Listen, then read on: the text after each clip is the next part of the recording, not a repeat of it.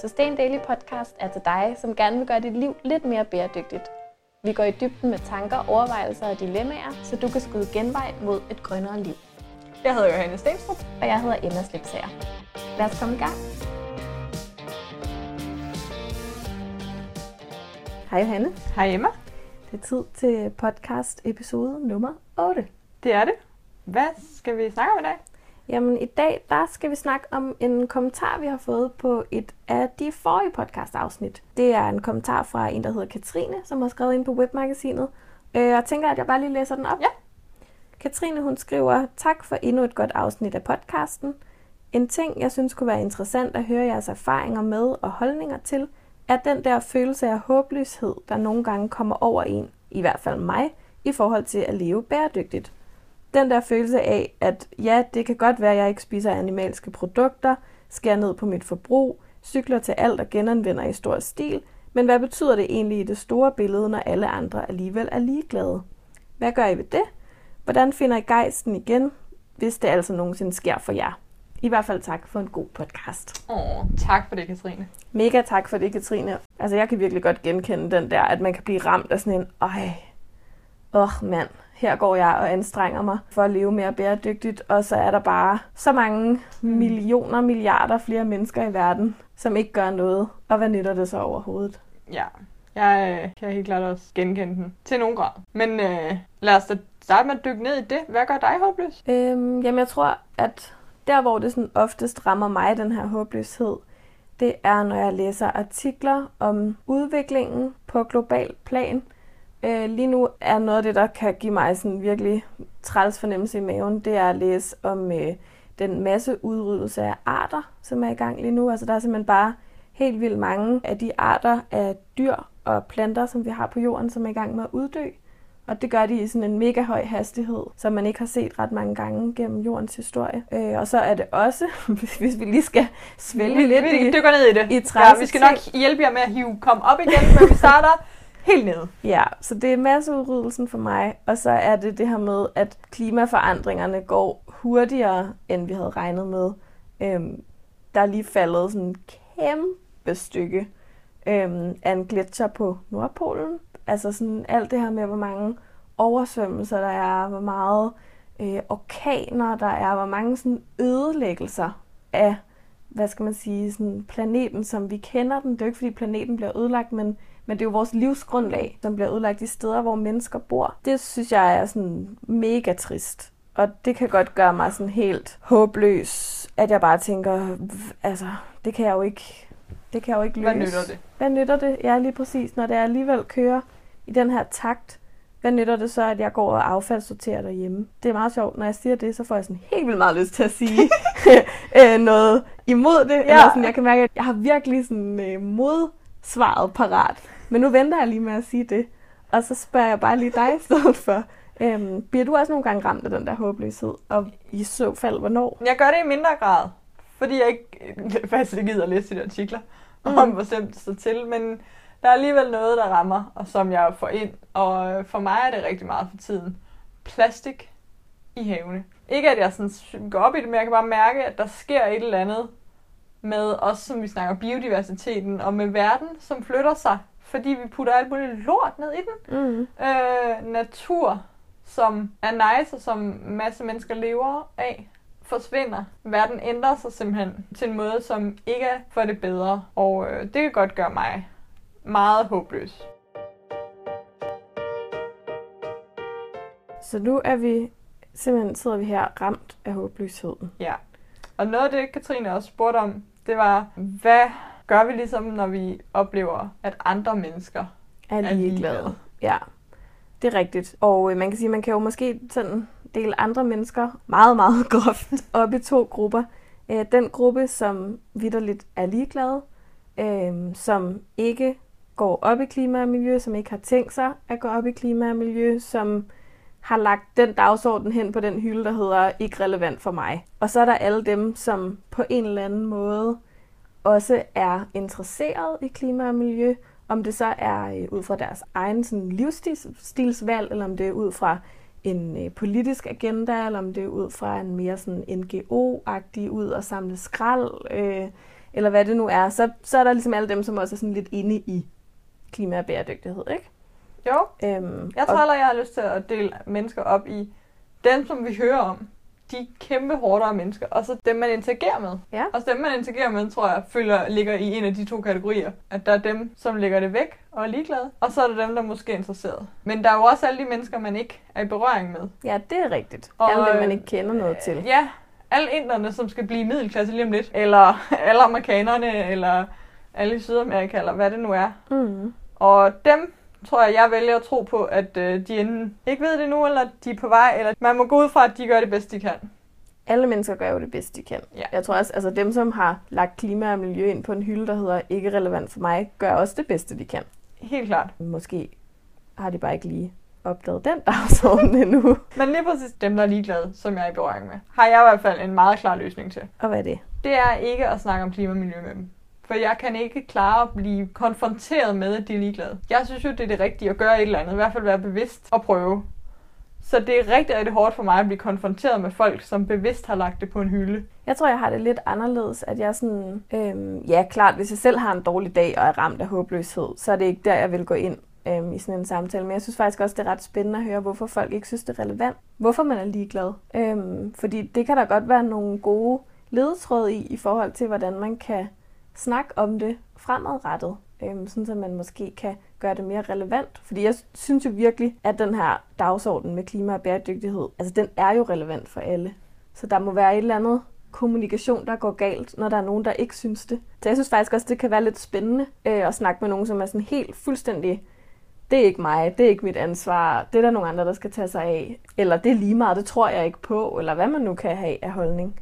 Men det, jeg tror, det kommer an på, hvilken dag man selv har. Dag, og måske også livsfase, eller sådan, ikke måske livsfase, men fase. Ja, Øh, fordi det kan jeg virkelig bare ikke dele med lige nu, på en eller anden måde, kan jeg mærke. nej, det er jo fair nok. Så kan man lade være med det. Ja. Og så er der den anden kategori, folk, som man er i berøring med, eller kan være i berøring med. Det er dem, som gerne vil noget. Ja, og de kan jo virkelig hjælpe en ud af håbløsheden, synes Det jeg i hvert fald. sige. Der findes for mig intet, der giver mig mere håb, end at snakke med nogle andre, som også gerne vil øh, redde verden, for nu at sige det med store ord. Hvordan de så end går til det, hvordan de end ligesom, hvordan deres vej end ser ud, så synes jeg, det er så dejligt at finde ud af, at der er andre hoveder derude, som vil det samme som mig. Øh, og det er virkelig mit bedste middel mod håbløshed. Det er meget enig. At finde det fællesskab og sætte sig med nogle mennesker, som alle sammen har besluttet at prøve at gøre tingene på en anden måde, at vide begærlige og øh, med reel bekymring læser om isbjerg og øh, andre ting. Ja, og som altså med bekymring læser om det, og så omsætter den der bekymring eller, eller håbløshed, eller hvad man nu skal kalde den, til noget handling. Ja. Fordi det er jo der, at man også kan bruge håbløsheden til noget. Det er, hvis man ligesom kan sige, okay, det her det gør mig mega håbløs. Hvordan kan jeg skabe noget håb? Altså, hvordan kan jeg arbejde mig ud af det? Helt klart. Og det er jo det, vi egentlig meget danner fællesskab med folk om. Det er at prøve. Ja. Gøre noget.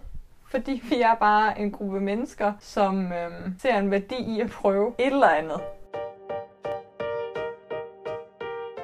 Da vi øhm, lavede Sustain Yearly, øhm, vores papirmagasin her i foråret, så kunne vi beslutte os for, hvad der skulle stå på bagsiden. Og øh, det var ret hurtigt bestemt, at øh, det, der skulle stå, det var, at hvis du ikke forandrer noget, er der ikke noget, der ændrer sig. Det er, sådan, det er i hvert fald lidt mit personlige motto, sammen med det her med at hellere være en hyggelig end en kyniker. Men man kan sige, hvad er alternativet til Mm. at prøve at gøre noget selv? Det er jo at læne sig tilbage og glide fuldstændig ned i håbløsheden. Ja. Øhm, Håbløshed, bitterhed, hvad end det er. Øh, fordi hvis man først har set, sådan har jeg det i hvert fald i mit liv, uretfærdigheden, eller at der er noget galt, eller at det ikke er den rigtige vej, vi er på vej til at udnytte vores jord. Hvis man først har set det, og sådan virkelig, virkelig set det i sin egen personlige sandhed, så kan man ikke lade være med at se det. Så kan man enten blive bitter over det, eller også så kan man gøre noget. Mm. Og jeg ser bare handlekraft som en af de største værdier i mit liv. Ja, jeg kan slet ikke finde ud af at være, hvis ikke jeg prøver at reagere. Og det var også det, som jeg fik rigtig meget lyst til at sige der i starten. øhm, at det der med, at så står man der og sorterer sit affald, og hvad nytter det? Jamen, det nytter jo det, at man gør noget. Øh, og alt, man kan gøre for at skubbe tingene lidt mere i en rigtig retning, eller en retning, man i hvert fald selv synes er mere rigtig, det er jo bedre end at lade være med at gøre det. Og så tror jeg også, øhm, altså noget af det der med, at det ligesom føles håbløst, og nu står man her og hvor er det besværligt og sådan noget. Jeg har også, på en måde tror jeg også, jeg er nået dertil, hvor jeg slet ikke kan forestille mig at holde op med de ting igen. Fordi for mig er det ikke en besværlighed i min dagligdag. Det er noget, jeg gør, fordi jeg har nogle værdier, som jeg handler på. Så man kan sige, det er sådan, på en måde, det føles ikke som en byrde for mig at gøre det. Det føles naturligt, fordi det hænger sammen med, hvordan jeg gerne vil se verden blive, at jeg opfører mig på den her måde. Selvfølgelig er det også nogle gange besværligt og alt det der, men sådan grundlæggende. Ja, jeg vil sige, jeg, jeg er der ikke helt endnu. Det ville da være nemmere, hvis man kunne smide for eksempel det hele i en skraldespand. Men så ville den virkelig hurtigt blive fyldt op til gengæld. Så skulle jeg bare gå ud med, altså det er den samme mængde skrald, ligegyldigt hvor jeg ligger det på en eller anden måde. Jeg skal ned ud af min lejlighed med det. Det er da lidt besværligt, men jeg har det også bare sådan, at, at når først man får noget ind, i hvert fald hvis det bliver virkelig en vane, så vil det føles forkert at gøre det modsatte. Ja, nemlig, nemlig. Øhm, og der er jeg ikke med alle vaner, men så snart at man når der til, hvor man kan mærke, at det føles stik, når man gør noget, der er det modsatte, så tror jeg, man er godt på vej. Og så tror jeg, det er svært at vende tilbage, ligegyldigt hvor meget håbløshed, og ligegyldigt hvor meget andre er ligeglade. Når du gør noget, der føles rigtigt, og du kan mærke, at det er det helt rigtige for dine værdier, hvad er så alternativet til at gøre det, bare fordi alle andre er ligeglade? Præcis, og det er nemlig også lidt det. På en eller anden måde handler det også om det her med, hvem er det, der bestemmer, hvordan du lever dit liv? Er det alle andre? Og sådan en eller anden generel strømning, holdning, øhm, har du lyst til at holde op med noget, fordi alle andre holder op med det? Mm. Øh, eller holder du op med noget, fordi du på en eller anden måde reagerer på dine egne værdier. Eller sådan. Det er også sådan lidt det der med, at man på en eller anden måde lader sit humør styre af, hvad man selv kan forandre, eller man lader det styre af, hvad alle andre mennesker forandrer. Jeg ved ikke, om jeg giver nogen mening lige nu. Jeg Jamen, synes, det giver, det giver sygt meget mening, det der med ikke at lade sig styre på en måde er det lidt sådan, det er virkelig en, måske en lidt underlig sammenligning, men bare fordi alle mennesker ikke går til håndbold, kan jeg jo godt gå til håndbold og være glad for det. Ja, eller bare fordi, at øh, vandpolo ikke nogensinde bliver den mest kæmpeste sport, så kan du godt nyde det og gå sygt meget op i det, og synes, at det giver dit liv virkelig meget værdi. Ja, præcis. Og det er nok der, vi vil hen til, at det giver vores liv værdi. Og handle på den her mere bæredygtige måde, samtidig med, at det jo også skaber en strømning. Det gør altså, det. Det er jo alt sammen med til at feede ind i sådan ja. en eller anden strøm af øhm, bevidsthed omkring ressourceforbrug, bevidsthed omkring, hvilket aftryk man sætter på planeten. Ja. Men først og fremmest er det også noget, man gør for sin egen skyld. Øhm, det har vi også snakket om mm. tidligere, det her med, at, at ja, det handler også om at føle, at man i hvert fald selv har bidraget til, at verden kunne gå i den retning, ja. man ønskede at se den, og om det så virker. altså sådan, det er jo klart, at der ikke det er jo ikke mine hverdagsvaner, der kommer til at øh, stoppe, at isen smelter på polerne. Nej. Men hvis ikke jeg ændrer mine hverdagsvaner, så er der jo ikke nogen andre, der ændrer dem for mig, kan man sige. Det er der ikke. Så hvis der skal ske noget i mit liv, så er det mig selv, der skal gøre det. Og det giver mig også kæmpe optur at mærke, hvordan jeg kan gøre alle mulige ting. Nu har vi ligesom besluttet os for at prøve. Ja. Og for det er ligesom den eneste vej frem. Et skridt ad gangen og alt det der, som vi har snakket om, hvordan undgår man? Hvordan kan man måske holde sig lidt mere fri af håbløse følelser? Ja, og jeg tror på en eller anden måde, så den der håbløshed, den er lidt et sted, man nok skal hen. Eller det har det i hvert fald været for mig på en måde. Føler den bare lidt med, at sådan, den er der et sted, den der håbløshed. Måske er det rigtigt nok, at hvis man virkelig skal gøre en forskel, så skal man helt derned, fordi ellers så er motivationen måske ikke stærk nok. Det er nemlig også det, jeg tænker, man bruger den på en eller anden måde til at motivere sig, eller til at huske sig på, hvad det er, man i hvert fald ikke kunne tænke sig. Øhm, for jeg kunne ikke tænke mig, at hele verden bliver til sådan en opdel, enten ørken eller oversvømmelse. Øh, det gør mig totalt håbløs at tænke på, ja. at det er den retning, det går i. Til gengæld giver det mig også noget kraft til at handle for at få verden i en anden retning. Men Dermed ikke sagt, at øh, der er nogen, der har godt af at gå rundt og føle sig mega håbløse dagen lang, ugen lang, måneden lang. Det er der nemlig ikke. Så når man har været dernede og er kommet op så noget af det, jeg for eksempel gør, som vi også var inde på i starten, for at skærme mig selv fra det, det er ved ikke at læse. Øh, jeg læser meget, meget sjældent om klimaforandringer, fordi det går hurtigere, og det har øh, gået hurtigere end nogen forventede, altså lige siden Al Gore lavede sin film nærmest. Der er øer, der forsvinder, der er mikroplast, øh, koralrevne dør og sådan noget. Mm. Hvert eneste år er det det varmeste år nogensinde. Ikke? Ja, ja. Og det, jeg har besluttet mig for, at jeg forstår godt. Vi skal følge som mennesker skal gøre noget ved det. Jeg kan bare ikke holde til at læse alle de der artikler. I hvert fald ikke særlig tit. Mm. Øhm, så derfor skærmer jeg mig ved øh, ikke helt at følge med i, hvor elendigt verden går. En anden måde, som man på en måde kan skærme sig, Øhm, det er ved at, også ligesom at overveje, hvilke input man får. Ja. Det er jo i virkeligheden det, du gør, når du ikke klikker på alle de der Det ting. er det. Øhm, eller ikke øh, aktivt opsøger fakta. Man kan jo vælge at fokusere på øh, løsninger Ja. frem for problemer. Og der er rigtig mange løsninger, og der er rigtig meget udvikling, som også går i den rigtige retning. Det vil være meget forkert at sige, at der kun er katastrofer på katastrofer på katastrofer. Der er sindssygt meget godt Ja. i gang i verden. Og hvis man ligesom balancerer, hvor meget man får ind af det mere løsningsorienterede, og hvor meget man får ind af det mere problemorienterede, så kan man jo også skrue lidt på den her håbløshed på en eller anden måde. Når, når du siger det på den der måde, så synes jeg at nogle gange, det lyder sådan lidt naivt. Sådan lidt som en lille barn, Ja, der gerne vil fokusere på alt det gode, men, men sådan, når du siger, lukker øjnene for fakta. Der er jo ingen af os, der har lyst til at have label fakta-resistent på os.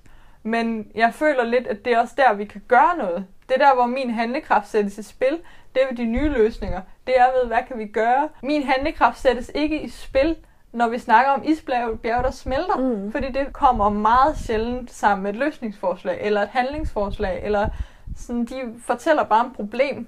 Punktum ja, så selvom jeg måske ikke kender klimaforandringernes fulde ekstent i verden, det vil jeg godt sige, det er på ingen måde ekspert i, så øh, kan jeg jo godt tage løsningerne seriøst, og også tage problemerne seriøst. præcis. Altså det er jo ikke, fordi man behøver at vide alt om et problem. Altså det er faktisk ikke nødvendigt. Øh, og hvis man ikke kan holde ud og læse mere og mere om det, så må man gerne holde op. Altså det synes jeg ikke er at være faktaresistent. Faktaresistent det er jo at sige, nej, det du kommer og siger til mig, du er store forskerpanel, det er ikke rigtigt, fordi jeg føler noget andet i maven. Men det med at sige, jeg kan faktisk ikke, lige nu, der kan faktisk ikke lige holde ud og høre mere om det. Øh, jeg ved godt, at der er et problem, jeg kan ikke lige holde ud og kende flere detaljer. Men der er jo også forskere, der siger, at det er for sent. Er vi så Øhm. resistente over for det, hvis vi stadigvæk prøver noget? Mm, det synes jeg ikke. På en måde tror jeg også, jeg har det sådan, at uanset om det er for sent eller ej, så vil jeg gerne gøre det så godt jeg kan. Det kan godt være, at det er sådan naivt eller latterligt, det ved jeg ikke. Øh, men jeg tror i hvert fald ikke, at verden bliver et dårligere sted af, at man prøver at leve mere bæredygtigt i den. Det tror jeg, du har fuldstændig ret i. Ja, der er sådan en ret sjov tegneserie, har du set den? Øhm, nu kan jeg selvfølgelig ikke huske, hvor den kom fra. Jeg skal prøve at finde den, så kan vi linke til den. Men hvor der står sådan en masse øh, forskere og hører på en eller anden forsker, og så er der en, der rækker hånden op og siger, øhm, jamen hvad hvis det her det bare er en stor løgn, og vi har skabt en bedre verden for ingenting? altså hvor man ligesom kan sige, Ja. de tiltag, der sker, fordi der findes klimaforandringer, de laver en bedre verden. Ja. De laver mere lighed, Ja.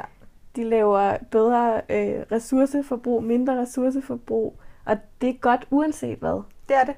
Det er det, så man bliver på en eller anden måde nødt til, hvis vi skal snakke om at gå videre med, hvordan kommer man væk fra håbløsheden, man er nødt til at koble sine egne holdninger op på og skabe en bedre verden uanset. Og ikke skabe en bedre verden for at nå at øh, rulle et eller andet tilbage. Ja, det her med at tænke, at man selv kan rulle alt muligt tilbage, det kaldes øh, Jesus-syndromet.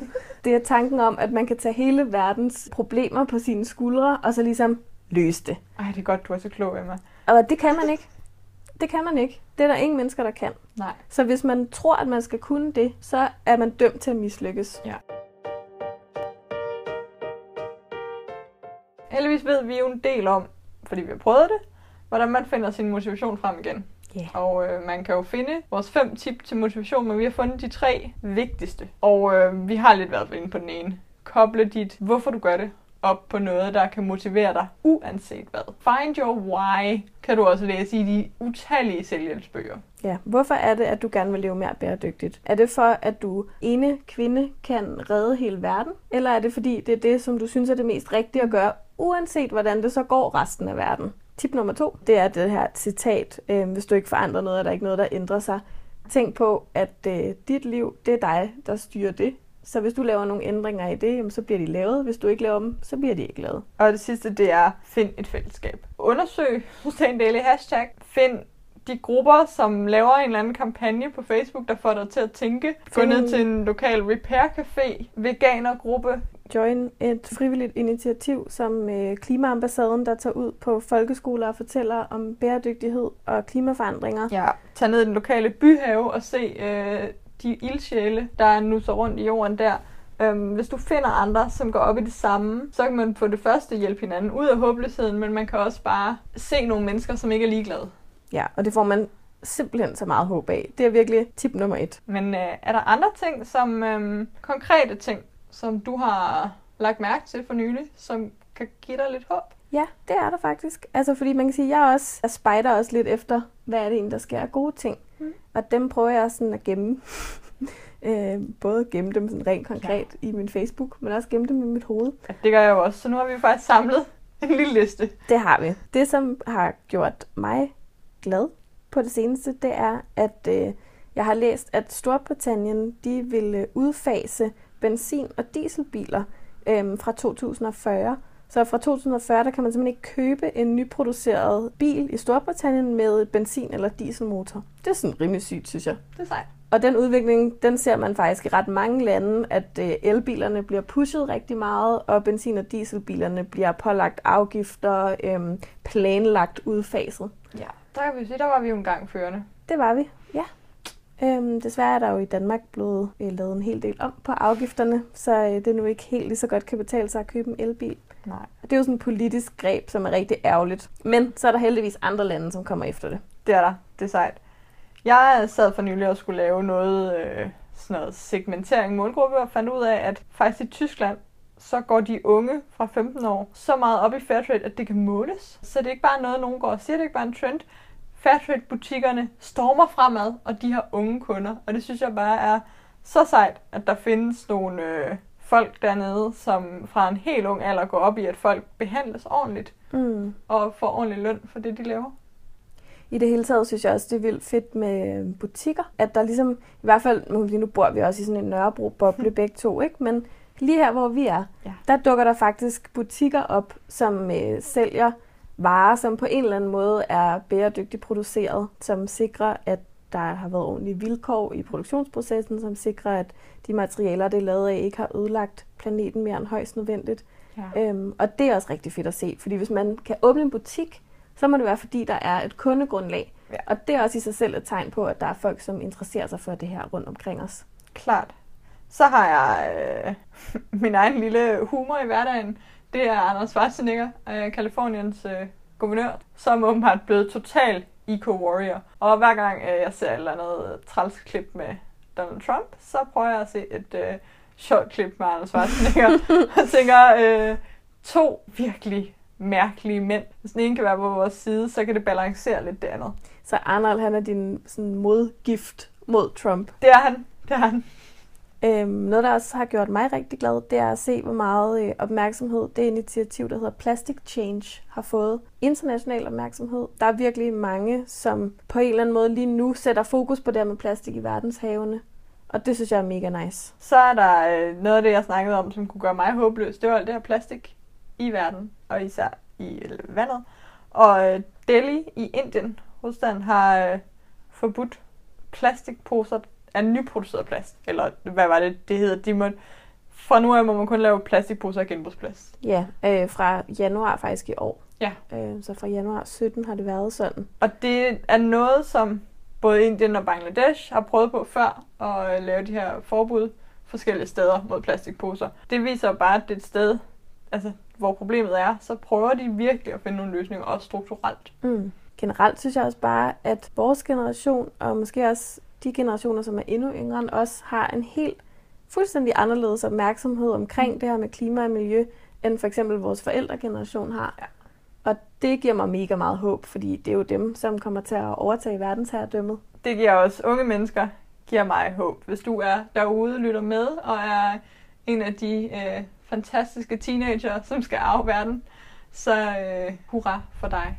Og vi skal også arve verden, Johanna, og vi går også op i det. Altså det kan man jo også lige tage med, at man faktisk selv har den her opmærksomhed. Fordi den kan vi jo også kun have, fordi det er muligt at finde alle mulige oplysninger. Mm. Og det er muligt at finde alle mulige løsninger.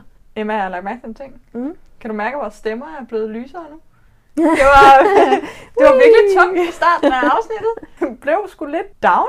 Og øh, lige pludselig, når man snakker om løsninger og alt det, vi godt kan lide, så bliver vores stemmer lysere, og vi får meget mere energi mm. i stemmen. Mm.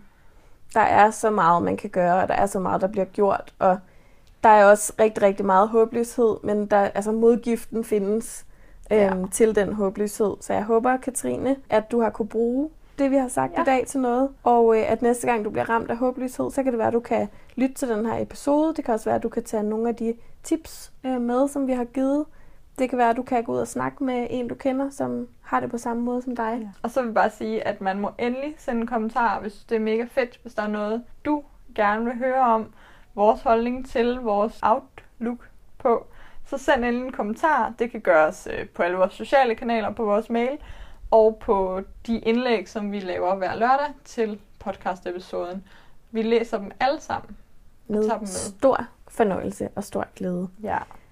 Husk, at øh, hvis du godt kan lide Sustain Daily Podcast, så kan du lave en anmeldelse. Giv os fem stjerner. Yep. Skriv en lille hej, jeg kan godt lide jeres podcast, fordi så øh, kan vi nemlig meget nemmere nå ud til mange flere mennesker. Ja. Og hvis vi når ud til mange flere mennesker, så er der mange flere mennesker, som I kan møde, som går op i det samme som jer, og så kan håbløsheden blive forhåbentlig lidt mindre. Ja. Det kunne jeg, jeg kunne faktisk virkelig, virkelig godt tænke mig, hvis det vi laver i Sustain Daily, også kan være med til, at der er nogens håbløshed, der letter lidt. Ja, det ville være øh, håbløshed, og, og den, at deres sådan, spirende et eller andet bliver omdannet til handling. Ja. Vi har jo en grundværdi, som også hedder handlekraft. Men det første step er at føle. Føle og have lyst til. Og det håber vi kan hjælpe med. Ja. Tak for den gang. Vi ses øh, næste lørdag. hej hej. Hej hej.